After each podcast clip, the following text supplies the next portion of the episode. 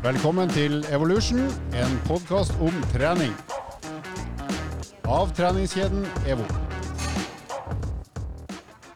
Hei, hei, hei, hei. Vi er tilbake. Ny episode. Nytt innhold om eh, trening og livsstil. Vi i podkasten Evolution ønsker jo å gjøre det enkelt for deg å lykkes. Så det vi prøver på, det er jo å ta ut ting som er nyttig å kunne. Eh, Vi prøver jo da å korte det ned. Det betyr jo av og til at eh, det blir jo veldig spissformulert. Det er jo fordelen med å sitte her, at man kan bestemme selv hva man skal si. Eh, men vi prøver jo hele tida å gjøre det enkelt, da. Så vi, vi håper at du som lytter får med deg noe som du kan bruke i det som jeg ofte kaller for din treningshverdag. Det beskriver jo ikke hvor mye du trener, men det beskriver jo bare at trening er en del av hverdagen. Så vi stiller ikke krav til at du er eh, toppidrettsutøver. Eh, Vi stiller ikke krav til at du skal til Planica og delta i eh, ski-VM. For oss så trenger du ikke å trene engang. Men vi anbefaler jo da på det sterkeste at man er fysisk aktiv regelmessig. For det vet vi helsemessig er bra, både for kropp og hode. Og for at det ikke bare skal være meg som sitter her og underholder, så har jeg jo da med meg noen faste gjester, eller fast inventar, som vi kan eh, kalle det. God dag, eh, Linnea. Hello. Du er eh, tilbake. Er du klar for en ny episode? Jeg er så klar som et egg. Nei, klar som et egg. Klar som et egg. Det heter jo ordtaket. Jeg har egentlig aldri helt skjønt det, fordi når jeg tar opp eggene, så vet jeg aldri helt om de er klare. Så eh, spørsmålet er da er du, er du blautkokt? Eller begynner du å få er, er sånn, Blir ikke grønt? Men da har jeg et spørsmål. Hva er egentlig bra kokt? Før du spør om hun er bløtkokt, hardkokt eller Eh, ja, det skal jeg svare på. Eh, vi- det er jo da Sindre som prater. Det er jo eh, vårt eh, fagalibi her. I'm back. Så det er jo veldig trivelig å ha deg her. Og så stiller du meg rett til veggs på hvordan eggene skal være. Klart det. Eh, jeg skal fortelle en for meg ganske bisarr opplevelse.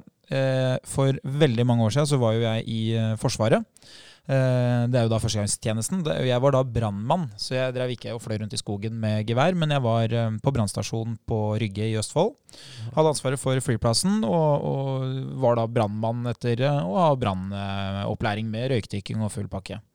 Og en av de oppgavene du har ansvaret for som brannmann på Rygge, det er å koke egg til de andre når du er soldat.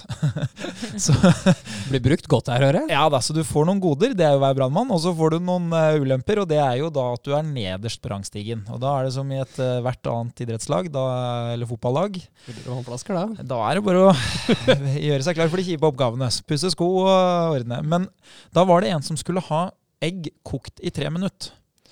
Og til dere som da ikke har kokt egg i tre minutter, da har eggehviten akkurat skifta farge, men den har ikke skifta konsistens.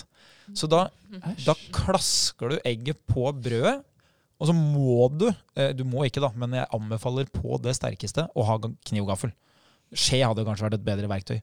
Så det var jo veldig rart. Eh, Men en ting som jeg lærte meg veldig tidlig i min militære karriere eh, Faren min er jo da major, så min eh, militære karriere har jo indirekte vart hele livet. Det er i Forsvaret så stiller man ikke spørsmål. Så når du får beskjed om å koke i tre minutter, og vedkommende er fornøyd med det, så har du, har utført oppgaven. Fordi, og dette har jeg diskutert mye med en del kompiser som ikke har vært i Forsvaret, jeg har diskutert det med samboeren min, i strid så vil det være veldig lite gunstig hvis alle skal begynne å stille spørsmålstegn til oppgavene de skal løse. Det vil være veldig lite fremtidsretta. Det, det vil ikke gå så fort framover. Så derfor, tre minutter, klask. eh, Eggehviten har akkurat skifta farge. Jeg hadde aldri spist det om jeg så måtte, men det er greit for meg. Du sier i strid. Gjelder det her kun Nå snakker jo du om militæret og selvfølgelig krig, det forstår jeg jo. Men ikke krig på hjemmefronten med samboer. For jeg kjenner, må jo si at jeg kjenner meg litt igjen i denne konflikten her. Der er det kanskje enda mer gjeldende. For jeg liker jo mantraet du sier her i militæret. At vi bare Dette er beskjeden jeg får, dette er det jeg gjør. Ja, for i Forsvaret så er jo kakebua, altså det å sitte litt i sånn eh, det, Før så skrelte man poteter og sånn, da. Det er jo straffen for ordrenekt i Forsvaret. Men straffen på hjemmebane for ordrenekt, det ja, faen det, kan jo være fatale følger. Ja, det Men også er jo, føler jeg ofte problemet da er jo Skal jeg ikke snakke ned om min samboer, men jeg tror ikke hun hører på podkasten uansett, så vi tar den sjansen, vi, altså. Men hun gir jo meg ofte oppgaver. Sindre, kan du gjøre dette? Og da sier jeg klart jeg gjør. Jeg setter den opp på veggen med en gang. Jeg, jeg gjør det jeg får beskjed om. Det er aldri riktig, for du skulle huska på dette, dette og dette. Men hvis ikke det står i ansvarsbeskrivelsen, så blir ikke det gjort, altså. Ansvarsfraskrivelsen. Det er også helt riktig. ikke noe vits å tenke mer man må. Nei, eh, hva har du å si til ditt forsvar, eh, Linnea? Nei, altså Du må jo tenke litt sjøl òg, da. Jeg skulle jo si det. Vi er så, vi er så uintelligente at uh, det er selvforklarende at vi bør gjøre det vi skal. Ja, nei, jeg kan være enig i det. Jeg, eh, jeg har jo lært meg at eh, harmoni, det er jo det er viktig. Det, det kjenner jeg jo på kroppen. Så derfor så prøver jeg jo å si mer ja enn nei. Det, det har jeg lært meg. Jo, absolutt. Jeg er helt enig. Så det er jo det er dagens tips. Si mer ja enn nei. Det kan gå deg ille. Plutselig står du der og gjør ting du ikke har lyst til. Men det, det kan være bra, det òg. Gagner deg som regel i det lange løp. Ja, det er jo kanskje litt sånn overførbart til det vi skal snakke om i dag, da, som er eh, type trening. Eh, Vi vil jo gi noen gode treningstips. eh, Og trening er jo definitivt noe som kanskje for veldig mange ikke står øverst på lista over ting de skulle ønske å prioritere. Det finnes jo mange ting man kunne tenkt seg gjort mer av, og det er jo sikkert ikke alle som tenker at ja, det å eh, fly og trene to dager til i uka, det kunne jeg tenkt meg gjort. Men det er jo kanskje noe man bør si ja til og gjennomføre, fordi eh, det har jo andre gode effekter enn eh, at du bruker bort tida di, da. For det, det må du nesten beregne å gjøre. Men du kommer jo ofte i form, da. Det er jo sånn at uh, Studiet gjort eh, av Anne Mette Rustaden på Idrettshøgskolen, som så på hvilken effekt gir personlig trening, som er noe vi alle tre uh, driver med da, på, på regelmessig basis. Da ville man jo tro at PT-en kan magiske ting, som er veldig bra. Uh, men det man ser, da, det er at hvis du tar og gir et treningsprogram og gir opplæring, og så lar du folk trene det på egen hånd. Og så tar du da eh, en PT og bruker samme treningsprogram og gjennomfører da PT-timer. Eh, si at eh, treningsprogrammet sier to økter per uke. da. Så møter PT-en opp og trener kunden sin to ganger per uke i en gitt periode. Og så har man kanskje en referansegruppe som ikke gjør noen verdens ting. Da vil man jo si at eh, referansegruppa de får ingen effekt, ikke sant? fordi de gjør ikke noe. Og så har du da eh, den gruppa med mennesker som da har fått opplæring og fått treningsprogrammet, de får treningseffekt. De, de blir i bedre form. Så hva er forskjellen på den gruppa og de som gjør akkurat det samme, bare med PT? Det er jo ikke at de får bedre effekt av treninga, men det er at de gjennomfører mer av treninga, som igjen da gir bedre effekt. Så den viktigste markøren som en PT kan levere, eh, bortsett fra opplæring, så, som du da må skaffe på egen hånd hvis du ikke har PT, det er jo rett og slett kontinuitet. Flere treningsøkter over lengre tid. Og det er jo en, eh, en trøst for de aller, aller fleste hvis de er usikre på er det jeg gjør bra. Så kan jeg si det sånn at det å levere 70-80% av hva som er optimalt én gang i uka hele året, det vil gi kjempegod effekt. 100% Ikke sant? Så, så det viktigste her er å trene regelmessig, ikke å gjøre magiske ting på trening. Så med det sagt så skal vi eh, gå litt videre til dagens eh, episode. Da skal vi se litt på en ting som vi får inn som spørsmål ganske ofte. Yes. og det er da trene tidlig eller sent. Så mer om det etter dette.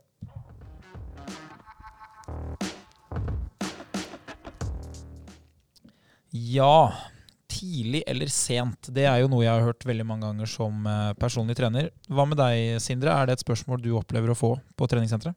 Nesten hver eneste uke. Så tror jeg det er, kommer som et spørsmål. Det kommer jo like fort som det kommer eh, hvor ofte skal jeg trene, og hvor mye skal jeg trene.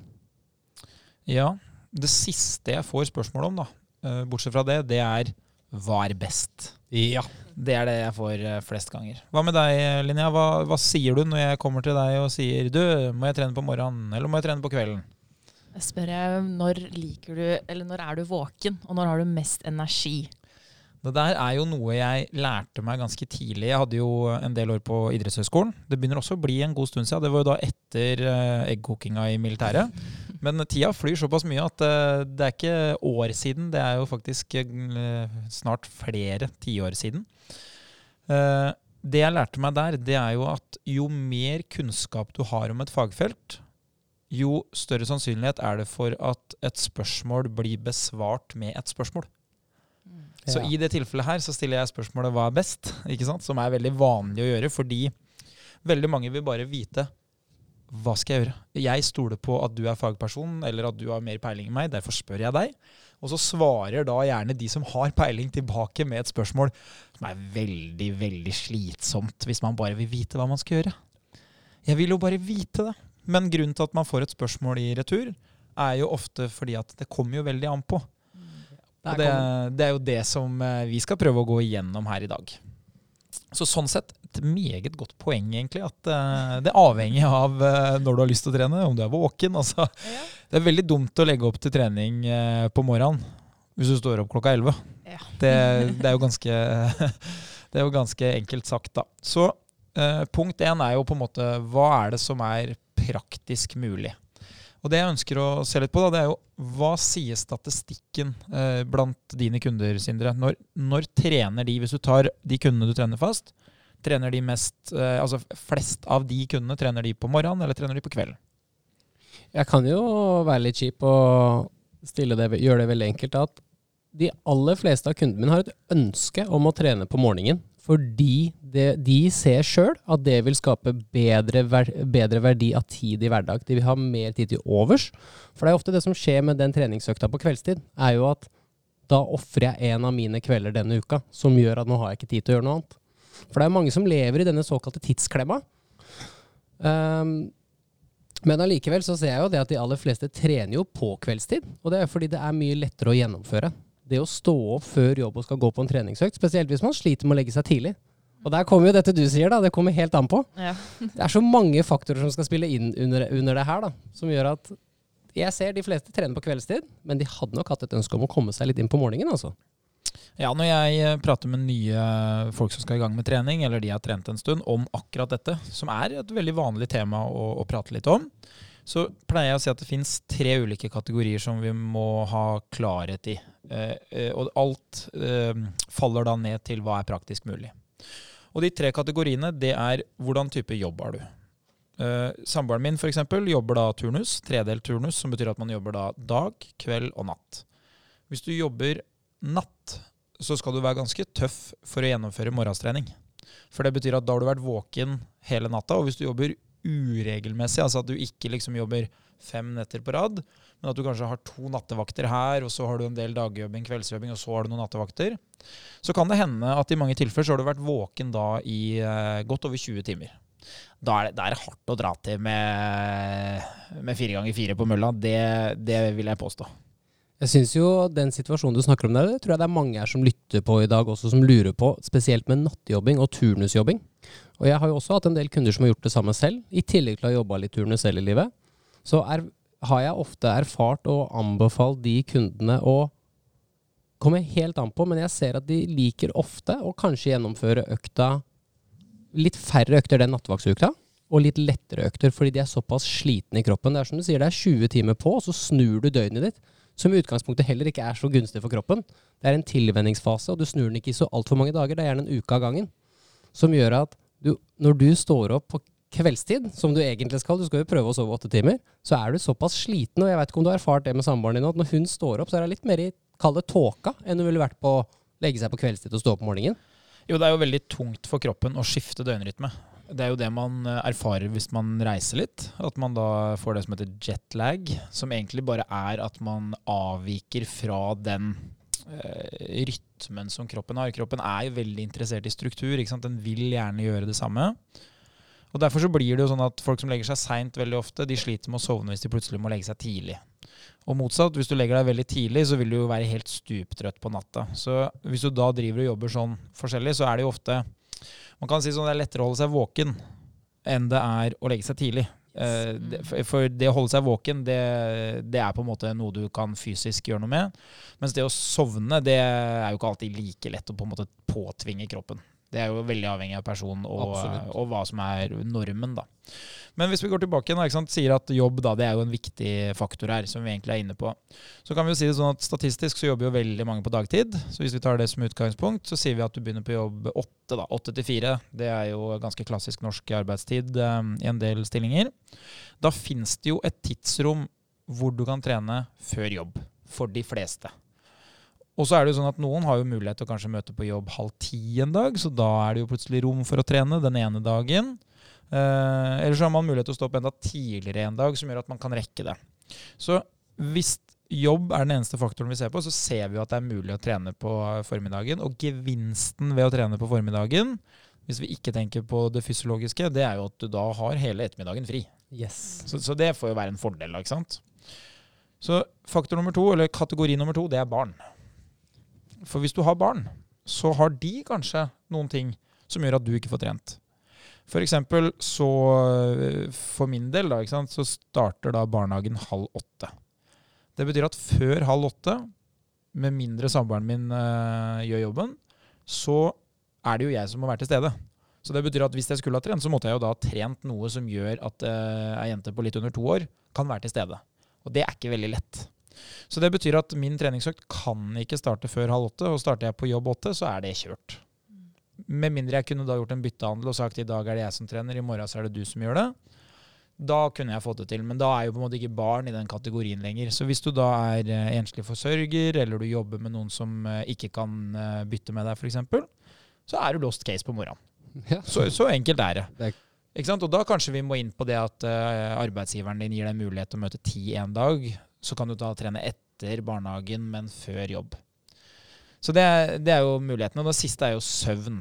Og det er jo, jeg har jo trent en del mennesker som legger seg klokka ett. Og som jeg da ikke vil anbefale å stå opp halv seks for å trene. Det ville vært veldig rart. Og anbefale de å sove ekstremt lite. Så man må jo på en måte være villig til å se på det med søvn. Er det mulig da å få lagt seg kanskje litt tidligere i snitt? Eller hvis man klarer å sovne, kanskje man kan legge seg litt tidligere en eller to kvelder i uka? Fordi det å bytte ut søvn med trening eh, vil jo på en måte være en lite gunstig byttehandel. Du får jo en effekt av å trene. Det er jo veldig dumt å gi bort noe som du egentlig trenger. Så, så det å anbefale noen å sove lite for å trene, det, det vil være litt inkonsekvent, ville jeg, vil jeg tenkt. da, hvert fall. Syns jo det er veldig sånn gammelskole. Jeg husker jo Før i tida så var det jo veldig at da skulle du stå opp tidlig uansett. Det var lov å være sliten, for det var fasiten. Det var veldig bro science.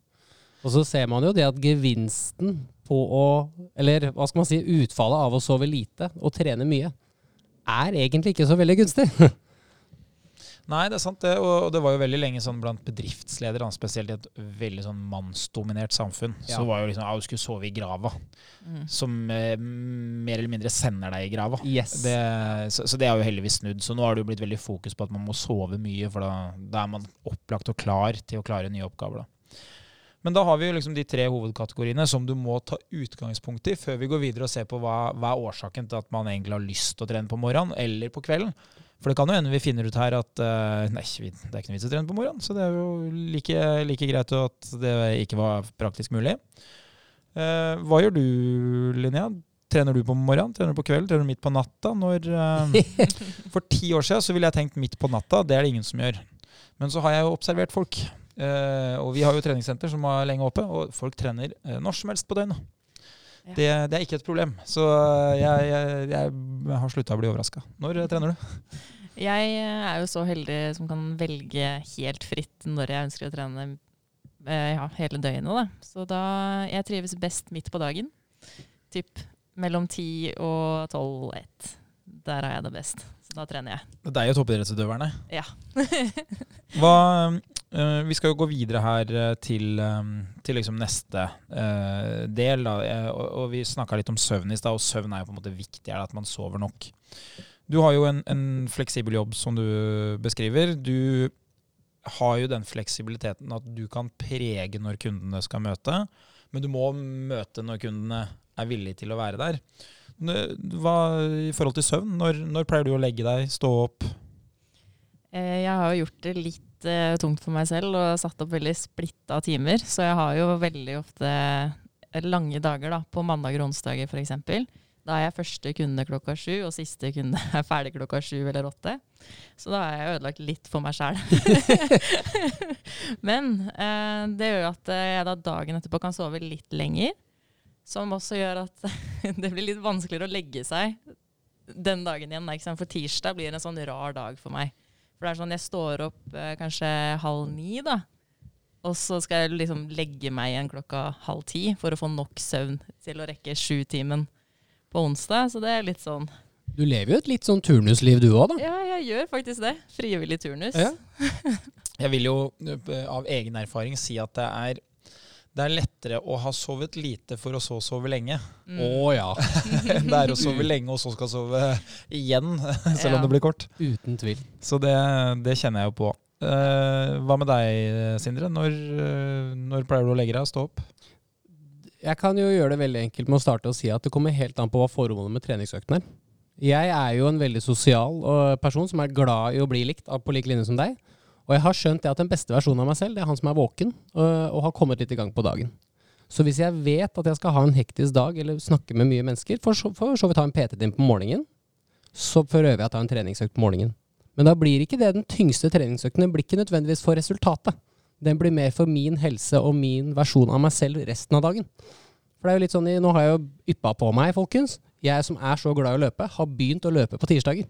Ja, det er ganske rått. Jeg er fornøyd, Linnea. Og det er jo fordi vi har en kultur her på jobben om at vi skal være med å løpe på tirsdager med deg, Andreas. Og jeg må jo ærlig innrømme, for en som aldri har løpt lenger enn en halvannen kilometer på en basketbane, så er det, et veldig, det er jo et veldig stor overgang å komme seg over fem kilometer, først og fremst. Men jeg ser en effekt, og jeg merker det på humør og sinne. Jeg er mye mer sharp, og jeg er mye mer på. Men der yter jeg jo ikke maks, som jeg kanskje ville gjort på en kveldsøkt, hvor jeg har litt mer energi å gå på, jeg er litt våken. Fått i meg de kaffekoppene jeg vil, og spist litt, og roa meg litt. Når jeg kommer inn til Andreas, huh, det var som jeg sa til han i går på mølla, da, så jeg, gikk det forbi en med kaffebrenner i pose, så sa jeg, det er gulroten min til å stå på den mølla her akkurat nå. Nei, Det er jo en god beskrivelse av hvordan det er da, å ha tidlige treningsøkter. Eh, når det gjelder eh, legging og stå opp tidlig, da, så jeg hadde jo et B-liv i mange år, eh, akkurat som det du beskriver, Linnea, hvor jeg tilpassa meg kundene. Jeg, jeg hadde jo en policy om at jeg hadde ingen PT-time før ni. Det var jo, I mange år var det min greie, og, og det var jo òg som du sier, Sindre, at jeg ønska å være den beste utgaven av meg sjøl når folk var til stede der. Dessuten så hadde jeg friheten til det, så jeg hadde ikke noe behov for å stå opp tidlig. Og så hadde jeg heldigvis vett da, til å begynne å forandre dette her litt før uh, det dukka opp barn hjemme, for det hadde jo vært krise. Ja, det var taktisk. Ja. uh, og det jeg så verdien av, da, det var at det er ganske mange timer uh, som jeg kan benytte meg av før ni, som jeg kan bytte bort med timer jeg har brukt på kvelden, til veldig lite. Så jeg, jeg jobba jo en del på kveldstid òg, men veldig ofte så ble det sånn at på kvelden så gjorde jeg veldig mye ingenting. ikke sant? Så på TV. eh, Det som jeg i dag vil ansette å være å kaste bort litt tid, da Enig. som, som man trenger på visse tidspunkter, men når det blir liksom si fem dager i uka, og det blir tre-fire timer hver kveld, Yes. så er det jo mye annet man kunne ha brukt for å oppnå ting som man kanskje har mer lyst til. Så det jeg så på, da, det var hvis jeg står opp to timer tidligere, så er det plutselig si at det kanskje er ti timer i uka, da. Som jeg kunne hatt PT-timer. Da kunne jeg gjort unna ti PT-timer mer, eller gjort unna ti PT-timer som jeg hadde på kvelden. Og Fordelen med å endre det er jo at da samkjører du litt mer med de hjemme. Så da er man jo mer hjemme på samme tidspunkt, som er gunstig. da. Og man er også hjemme på et tidspunkt som kanskje er litt mer kvalitet. Eh, nå er det jo sånn spesielt hjemme hos oss at eh, samboeren min hun er jo da et veldig sånn utprega A-menneske, og jeg er jo egentlig ikke det. Så hun er jo da veldig våken og i godt humør på morgenen. Det er absolutt ikke jeg. Det endrer seg ikke, dessverre. Men det betyr også at uh, de timene i motsatt ende, det er jo min prime time. Altså, eh, jeg er jo eh, best på fest. Det er jo, da er jo jeg mest opplagt. Men det betyr jo at hvis jeg da skal være sammen med noen hjemme, så bør jeg jo også kanskje være hjemme på ettermiddagen, og ikke være hjemme etter klokka ni. For- da er det leggetid, egentlig. ikke? Da, da begynner man å miste litt gnisten, og batteriet begynner å bli tomt.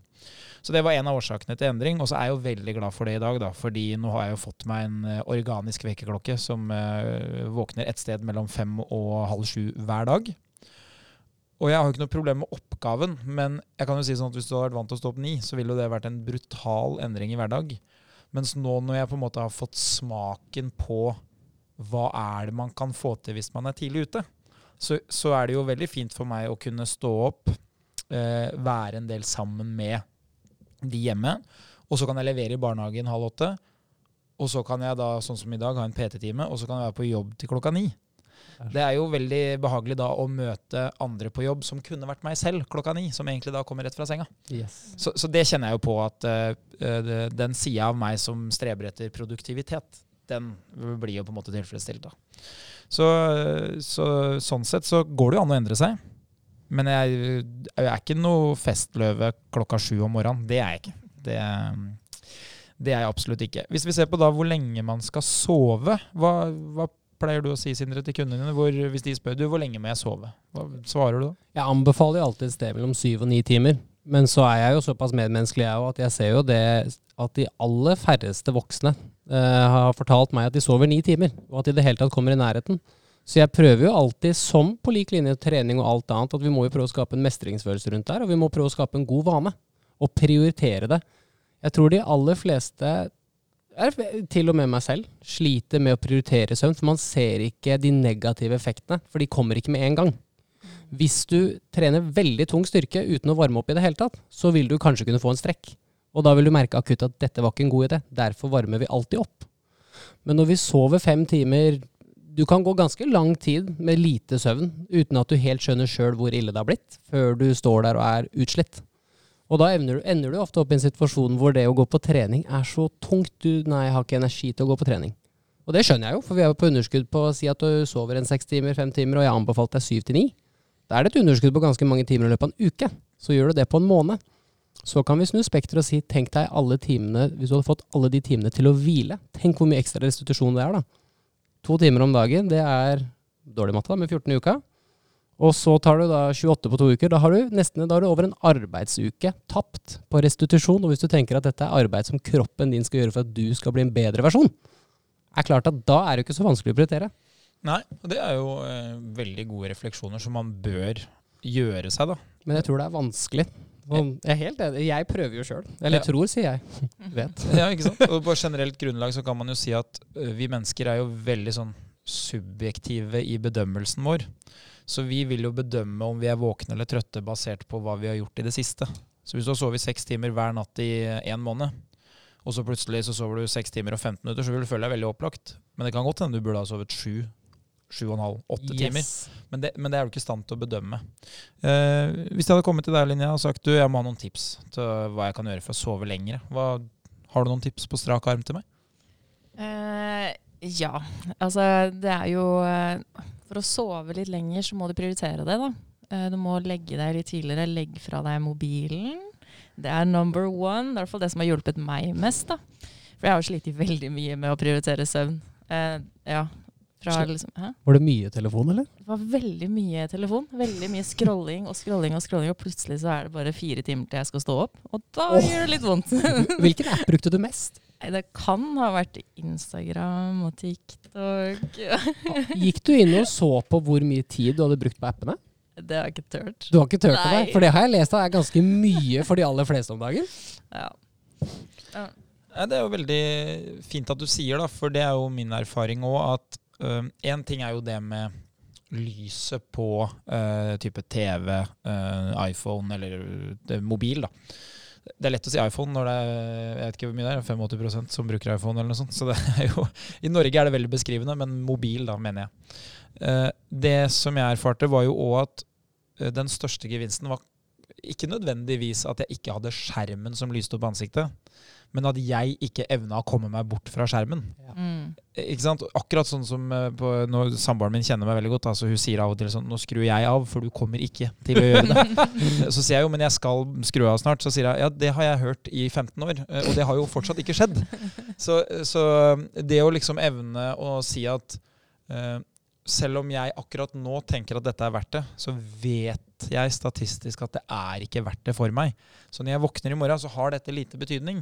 Men akkurat nå så er det veldig veldig viktig for meg. Så det å da evne å kanskje lage seg noen vaner med at man eh, sier etter et visst tid- klokkeslett, ikke da begynner å gå i gang med de tingene, og det må man på en måte holde, så tror jeg jo man kan kneppe inn litt på søvn. Og en ting som jeg har anbefalt mine kunder, da, og det jeg har jeg gjort i, i mange år, det er jo at jeg vil jo ikke være sånn veldig spesifikk på hvor lenge de skal sove, for det er veldig individuelt. Så hvis jeg hadde sagt sånn du skal sove åtte timer, så kan det bli negativt at de ikke får til noe som egentlig ikke er veldig, veldig viktig for dem. Veldig bra sagt. Mm. Men det jeg ønsker at de skal gjøre, da, det er at jeg skal se hvilken effekt en time kan ha. Men vi kan ikke ta en time i dag. Så det jeg sier da, det er at i en periode nå, så skal vi prøve å legge oss fem minutter tidligere. Så jeg vil at du har kontroll på når du legger deg. Og så vil jeg at da i snitt flere dager i uka, så skal vi se om vi klarer å kneppe inn noen minutter. Så la oss si at hver tredje dag da, så prøver vi å legge oss fem minutter tidligere. Det betyr at i løpet av bare noen få måneder så har vi da fått den timen, selv om man har litt uregelmessig eh, tid man legger seg. Og bare det å gå fra å legge seg klokka tolv til å legge seg klokka elleve vil jo i mange tilfeller gjøre at du får en time mer søvn hver eneste natt. Og så hvis det funker, så kan jeg utfordre på å prøve å kneppe en time til. Og jeg vil jo selvfølgelig da prøve å kneppe den timen på riktig side, fordi de fleste er nødt til å stå opp på et tidspunkt. Men de kan variere på når de legger seg. Med mindre man jobber type kveld, for eksempel, da, og, og kanskje ikke slutter på jobb før uh, halv elleve. Da. Da, da må du jo se om du får det til i andre enden. Men det som er mitt poeng, da, det er jo at jeg vil at de skal prøve da å kneppe fem og fem minutter inntil man ser at man begynner å våkne fem og fem minutter tidligere. For det vil jo skje på et tidspunkt, ikke sant? at uh, nå er jeg uthvilt. Men det er klart at hvis du, hvis du klarer å stjele en time da, med ekstra søvn, og du ikke våkner tidligere, så er jo det tegn på at kanskje kroppen din trengte litt mer hvile. Og vi vet jo at hvis du er, uh, hvis du er veldig effektiv på dagtid, gjør en god del ting, du har mange impulser, og du i tillegg skal begynne å tilføre trening, så blir belastninga ganske høy. Og da kan det være smart å komme etter med enda bedre hvile av kroppen, eller restitusjon, da, som man kaller det. Så jeg vil anbefale det. Gjøre en test. Prøve da å se om man kan legge seg fem og fem minutter tidligere. Kanskje ikke hver dag, for det vil bli en brå overgang for mange. Enig. Men f.eks. at hver uke så skal jeg starte ti minutter tidligere enn forrige gang. Men da må man være nøye på sånn som du sa, Linnea. Da må man skru av telefonen. Og, altså man kan ikke, jeg kan i hvert fall ikke legge meg i senga og bare skulle sjekke noe greier, for da ryker de fem og ti minutterne meget, meget kjapt. Da. Ja, absolutt. Så må man jo akseptere at noen kvelder så sovner man kjapt, noen kvelder gjør man ikke det. Sånn, sånn vil det alltid være. Mm.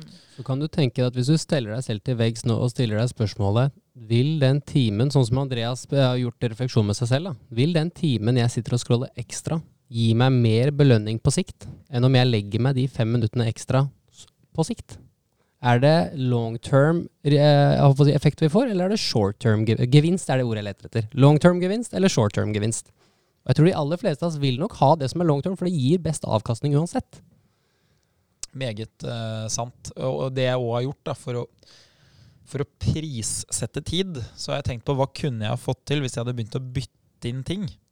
Si at jeg hadde bytta inn eh, de siste 15 minuttene med Facebook, Instagram hver kveld med fransk i løpet av et par år, så tror jeg jo at jeg hadde kunnet prata ganske mye mer enn det jeg kan i dag, som er Skjema Pell Andreas i Bitte Nittedal, eh, og så er jeg fortsatt 13 år. Kan men kan du bestille en øl på fransk? Nei, nei, men jeg kan på kroatisk, da. Det sjokker meg. Jedna veliko Det, Det, det, kan jeg. Uh, Nei, det er for øvrig en stor øl, da. Eh, så Jedna Dvalo Nei, Malo Pivo, det er en liten. Så du kan faktisk ordet på litene? Jeg tenkte at det ikke var i vokabulæret i det hele tatt. Nei, du må vite hva du ikke skal.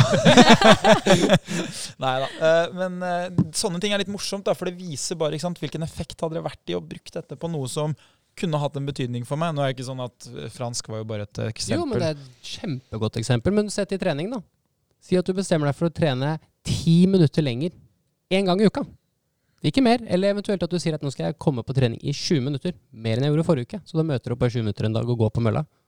Gjør du det hver uke, så blir det en veldig god vane. Hvis du sier at du hadde gjort én øvelse, da.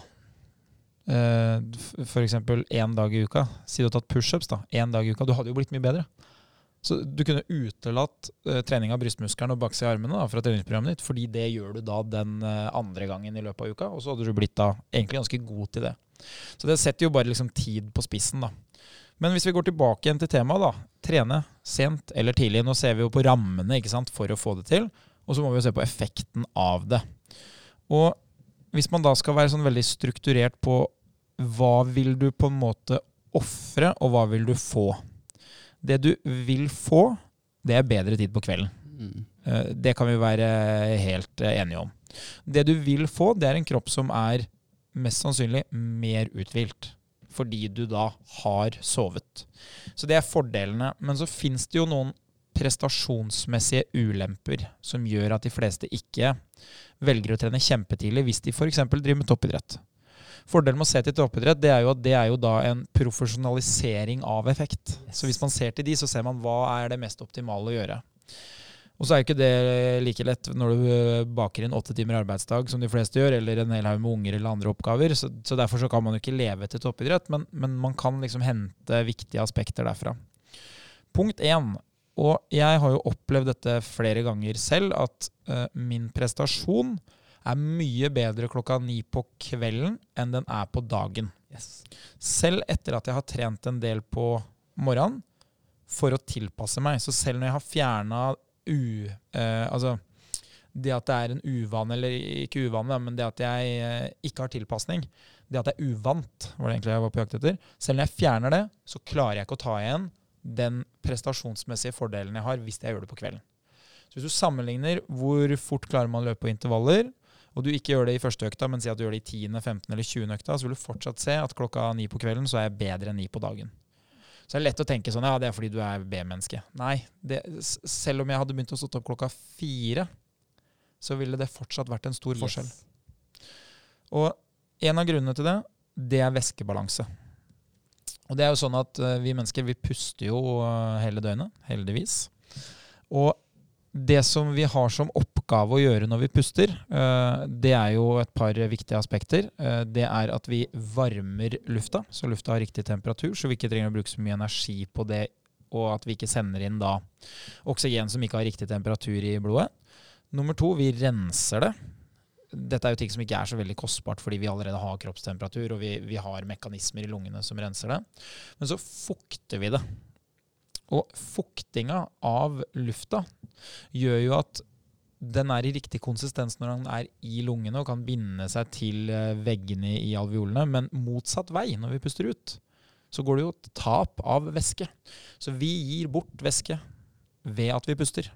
Som gjør at øh, når du legger deg, så har du øh, en høyere væskebalanse. Da. Så du har mer vann i kroppen når du legger deg, enn når du står opp. Det ser man jo på vekta. Ja, Ikke? Så, Absolutt. så hvis du ikke har gått på do på natta og veier mindre, så er det helt normalt.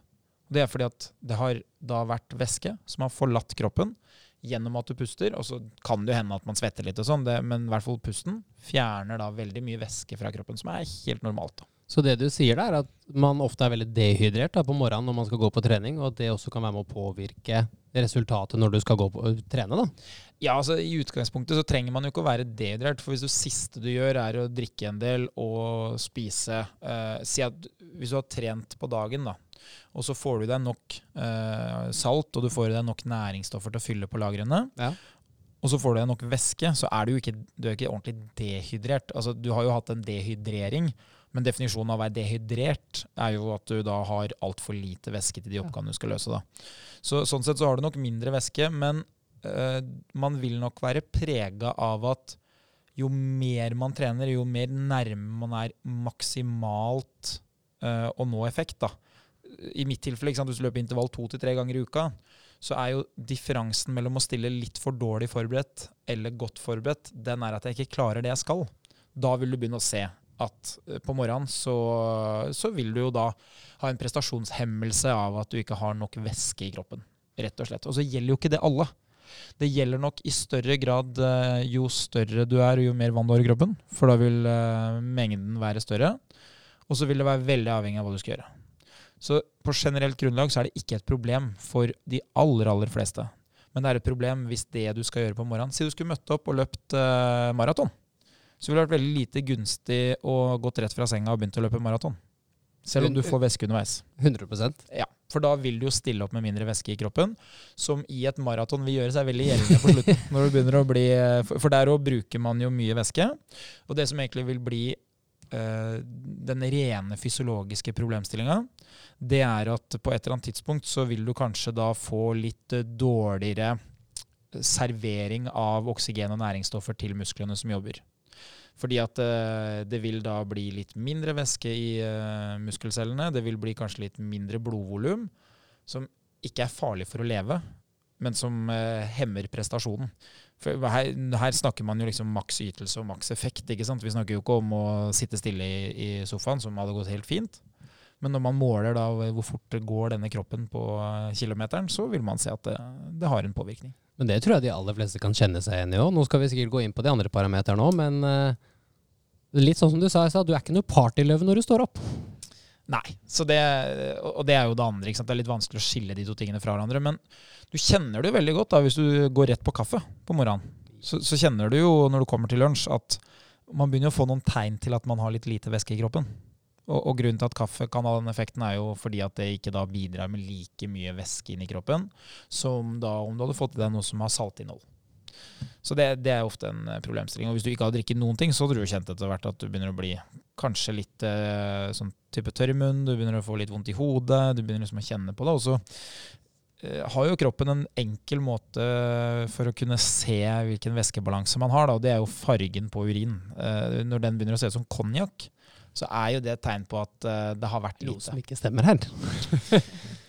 Så det, det er et viktig punkt. Men så er det jo det med når man skal løpe lenge og sånn, så trenger man jo næring, fordi kroppen skiller jo ut saltstoffer. Så da er det ikke noe vits å hive på. Eh, litt som man opplever hvis man har vært på fylla, og dagen etter så drikker man mye vann. Så vil man jo se at det vannet det er ikke så veldig begeistra av å bli i kroppen. Det bare går rett igjennom. Og det er jo fordi at man da rett og slett har litt lite saltstoffer i kroppen, som kanskje da hadde vært gunstig for å binde til seg væske. da. Så det er, det er væskebalansen. Så det er én av grunnene. Eh, og så er det jo det andre vi snakka om, det er jo næring. Så hvis du da har trent på kvelden, gått og lagt deg, stått opp igjen, du har ikke spist kveldsmat, du har ikke spist frokost, så har du ikke hatt så mye næring til å fylle uh, karbohydratlagrene, som er viktig hvis prestasjonen skal ha høy intensitet. Skal du gå tur på en time, ikke noe problem. For da skal du ikke bruke liksom maks av det energilagrene har å by på. Hva, hva tenker du, Lina? Hvordan stemmer dette her med forskjellen på kveldsøkter, morgensøkter for deg? Hvordan er du best når du trener tidlig eller sent, eller? Jeg opplever meg selv egentlig best på morgenen. jeg. Fordi, eller i hvert fall hvis jeg skal ha sånn løpeøkter og sånt, men jeg fyller jo opp med litt eh, karbohydrater før jeg skal kjøre på uansett, da. Og godt med væske. Fordi jeg er jo ikke, er ikke så gæren at jeg trener fastende, da. Altså personlig, da. For jeg liker ikke å være sulten når jeg skal trene. Uh, men uh, ja, det er også det med ettermiddagstrening. For meg så blir det jo Jeg har jo mer energi sånn egentlig, i hvert fall hvis jeg skal trene styrke. For da har jeg jo fylt på masse næring i løpet av dagen. Hvis jeg har vært veldig flink og spist lunsjen min osv. Så, videre. Eh, så det er jo best på styrketrening da, ja, egentlig. Det er jo veldig gode poeng du kommer med, og det er jo at hvilket nivå og hvilken kontroll man har på det man skal gjøre, er jo veldig avgjørende for om du skal trene på morgenen eller kvelden. Så hvis du hadde tatt bort det at jeg f.eks. skal løpe en 10 km eller et maraton, hvor det er ekstremt viktig å ha kontroll for meg, da, basert på den målsetninga jeg har og hva jeg har gjort tidligere, så hadde det ikke vært så farlig. Eh, Så hvis jeg skal løpe intervaller for å få bedre kondisjon, så klarer jeg jo det på morgenen. Så jeg har jo ekstremt mange morgenøkter hvor jeg løper intervaller. Men hvis jeg skulle ha valgt når er det jeg ønsker å løpe 10 km, så tror jeg det hadde vært best for resultatet at det hadde stått 6-7 på ettermiddag kveld. Men så er det jo en annen ting, da, og det er jo litt sånn veldig personlighetsavhengig, da. Og det er hvordan er du på kveld ettermiddag? Eh, Vi snakka jo om det i stad. Jeg er jo da på vei mot prime sånn mentalt. ikke sant? Jeg er jo, uh, man kan sette det på spissen og si at jeg er mer optimist på kveldstid enn jeg er på morgenen. Ja. På morgenen kan jeg jo eh, ha snev av å være destruktiv uh, Ja. selv, ikke sant? Uh, nesten litt introvert, har lyst til å være i fred. Ser ikke alltid så veldig positivt på ting, mens på kvelden helt motsatt. Og det kan jo være med å prege det her, men det preger det jo mest gjennom at jeg er ikke mentalt sliten på kvelden. Yes. Så jeg, jeg starter ikke på en måte i minus når jeg skal i joggesko. Jeg starter jo kanskje med at dette har jeg troa på, dette gleder jeg meg til. Men så må man jo ikke altså man må skille det fra at jeg har faktisk da bedre prestasjonsevne. Som ikke har noe med det mentale å gjøre. Det, det, det er jo parametere for hvordan jeg presterer. Det kan man jo se på puls og på fart og på eh, Hvis man gjør det enda dypere, da. Man kan jo måle da melkesyrenivå eller laktat. da. Så, så sånn sett så presterer jeg jo bedre på fysiologiske parametere også. Men det gjør jo at det er lett for meg å velge kveldstrening, da. Selv om det nå i livet akkurat nå er jo praktisk mer eh, bekvemmelig å velge dagtrening, da, fordi at det passer i timeplanen mye bedre. Men jeg har mange kveldsøkter nå fordi som vi har om før, at jeg kan løpe på mølle etter legging. Og det passer jo meg helt perfekt. ikke sant? Så når andre folk observerer at jeg starter intervalløkta kvart på ti, så tenker de det hadde jeg aldri gjort. Det er jo helt forferdelig. Mens for meg er jo det det er jo perfekt i forhold til både mentalt og prestasjonsmessig. Det er jo det som er, vil jeg tørre å påstå, er mye å lære av, sånn som deg og da. Du er jo et normalt menneske som ønsker å leve som en toppidrettsutøver. Så har du jo prøvd å gjøre det du kan for å optimalisere treningshverdagen din på, på regi av hvordan egentlig hverdagen ser ut. Og jeg tror det er der de aller fleste av oss bommer. At vi velger hvordan vi skal trene fremfor hvordan hverdagen ser ut. Og det å møte de kriteriene godt, og i tillegg se fremover, sånn som du alltid gjør. da. Det er verdt for meg å løpe den økta. Jeg blir bedre. Derfor kan jeg konkurrere. Ja, så det, det handler jo om å evne å liksom se resultatet Ja. da, når, når virkemidlet ikke er det mest behagelige. Uh, og det som er viktig å ta med her, da, det er jo at i de aller fleste treningsøkter så er det ikke viktig å ha spist. Ikke sant? Jeg sier ikke at man skal hoppe over eh, mat, men hvis du f.eks. skal trene på morgenen, og du sliter litt med at hvis jeg skal spise en stor frokost, så blir det veldig ubehagelig for meg å trene styrke eller løpe, så trenger du egentlig ikke å spise veldig mye på morgenen hvis du spiste kveldsmat, f.eks. Med mindre det du skal gjøre er så langvarig og utmattende at du trenger næring, eller at du ikke har spist noe særlig dagen før. Så jeg har jo mange økter hvor jeg da f.eks. skal løpe rolig på morgenen, hvor jeg bare drikker litt, kanskje spiser en halv banan eller noe sånt, og så trener. Og intensiteten er da såpass kontrollert at jeg trenger egentlig ikke det som jeg spiste til frokost. Det kan jo være bra for restitusjonen etterpå, men det kan også skape mer ubehag å ha spist mye enn å spise lite. Men så er det som du sa fint, da, Linnea, at hvis man da kjenner på at det er ubehagelig å være sulten, så er det jo veldig dumt å velge det. Det er jo dumt å, å fly rundt på trening og tenke at man bare har lyst på mat, og at det hemmer deg i prestasjonen. Yes. Mm. Det er, jo noe, det er jo det jeg har tenkt mye på når jeg har trent, eller lært mye av. da. For jeg har jo trent mye uten å spise tidligere, og det har jo liksom endt opp med å ikke funke så mye for meg, for da klarer jeg ikke å presse meg. Jeg, å, jeg blir så demotivert, da, for jeg liker ikke følelsen av å være sulten. Nei, det, og det er jo som vi har snakka om før, det er jo en vanesak, det sant? Ja, det er jo da avhengig av hvor ofte man spiser, hvor mye man spiser om gangen. Og hvis man trener på det, og det er jo klart at det må jo være med i mattestykket her, at jeg har jo veldig mange dager i uka hvor jeg ikke spiser frokost. Det er jo en litt tidligere episode hvor vi da snakka om det å faste på morgenen, f.eks. Det gjør jo at det å gå uten mat på formiddagen, det er en vane for kroppen hos meg, så magen skriker ikke. Men hvis jeg hadde nå i ett år begynt å spise frokost klokka seks hver dag, så ville jo det å skulle trent klokka halv ti uten å spise frokost, det ville jo vært da med en mage som skriker om at eh, hei, hei, jeg må, jeg må få noe mat her. Så det var en viktig, viktig greie. Og det siste vi har sett på, er jo da eh, det er jo ikke de fysiologiske kravene, men det er jo tilgjengeligheten. ikke sant? Hva, er det mulig for deg å få trent? Er det sånn at du må du ut i djupsnøen hvis du skal trene på morgenen, og så kan du løpe på mølle på ettermiddagen, så er jo det en variabel jeg ville tatt med her. altså. Fordi det viktigste som vi snakka om, det er jo å få gjennomført treninga. Og da er det jo veldig dumt å velge kanskje noe som aldri blir noe av, selv om det er mest optimalt. da. Yes. Mm. Og det er det jo mange som gjør, altså. Absolutt, og det er derfor mange også ender opp med å synes det blir så vanskelig at jeg orker ikke å gjennomføre det lenger. For hvis du kun skal gjøre det på rå vilje, så er det ganske tungt i lengden om, du ikke har, om det ikke passer godt med resten av hverdagen. Hvis det er sånn Nei, det går akkurat ikke. Da velger jeg at det ikke går, jeg. Takker jeg nei til den treningsøkta som jeg ofte gjør. Ikke sant? Vi skal jo da se litt på hva som er effektivt. For vi kjører jo den eh, testen vår av 500 kalorier. Så jeg foreslår at vi tar et blikk på hva som eh, har blitt gjort siden sist.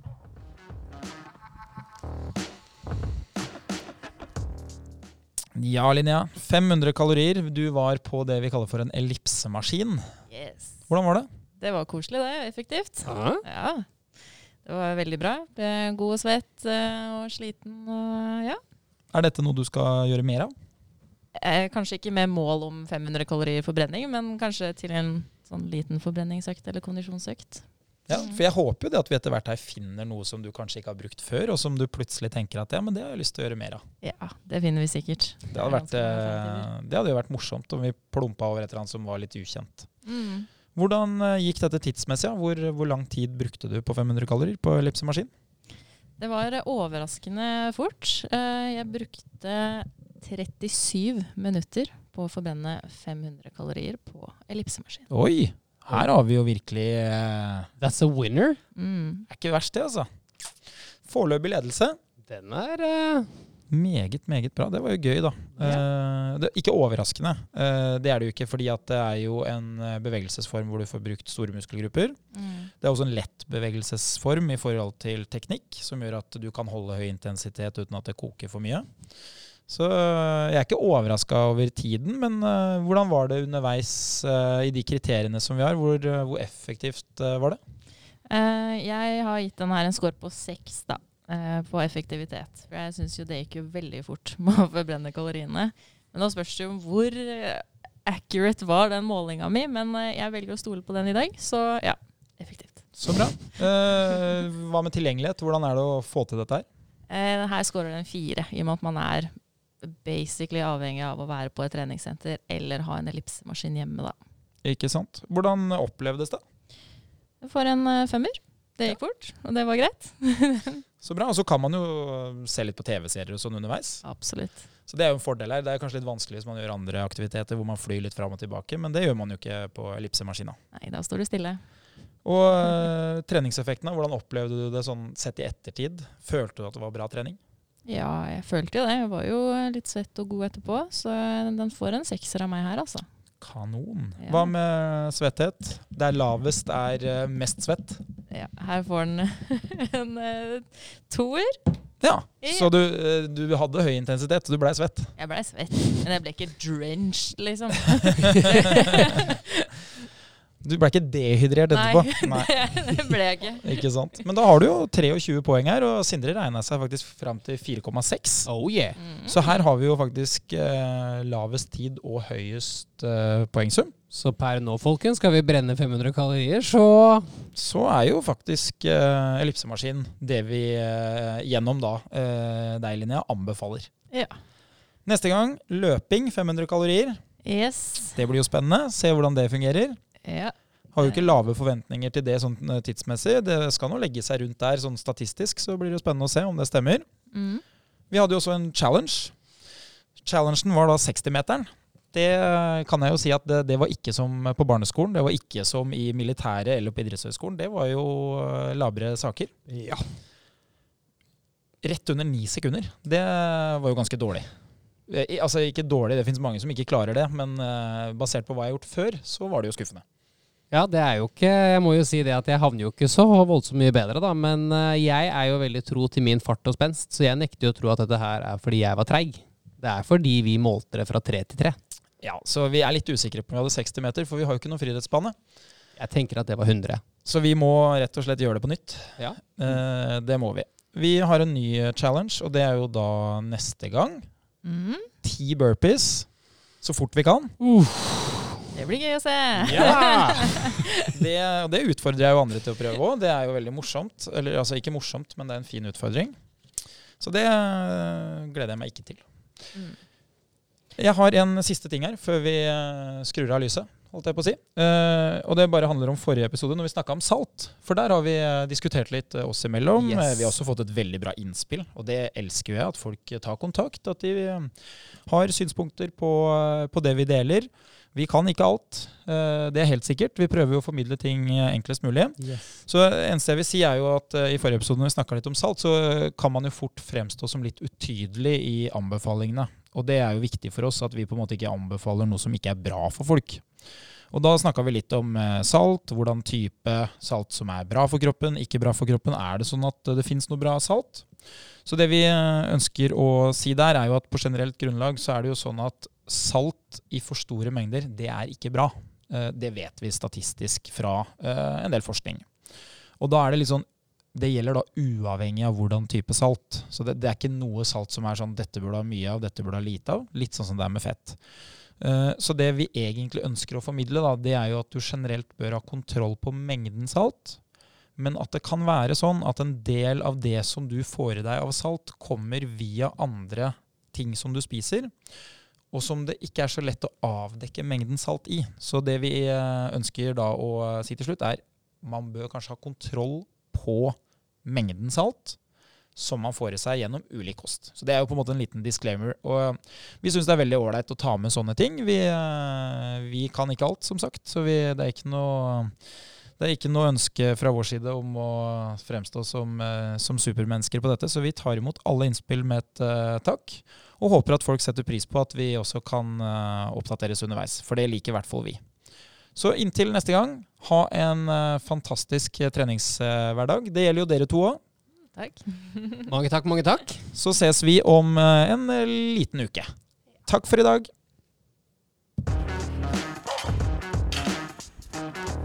Vil du vite mer om trening, abonner på podkasten og sjekk ut vårt treningsmagasin på evo.no.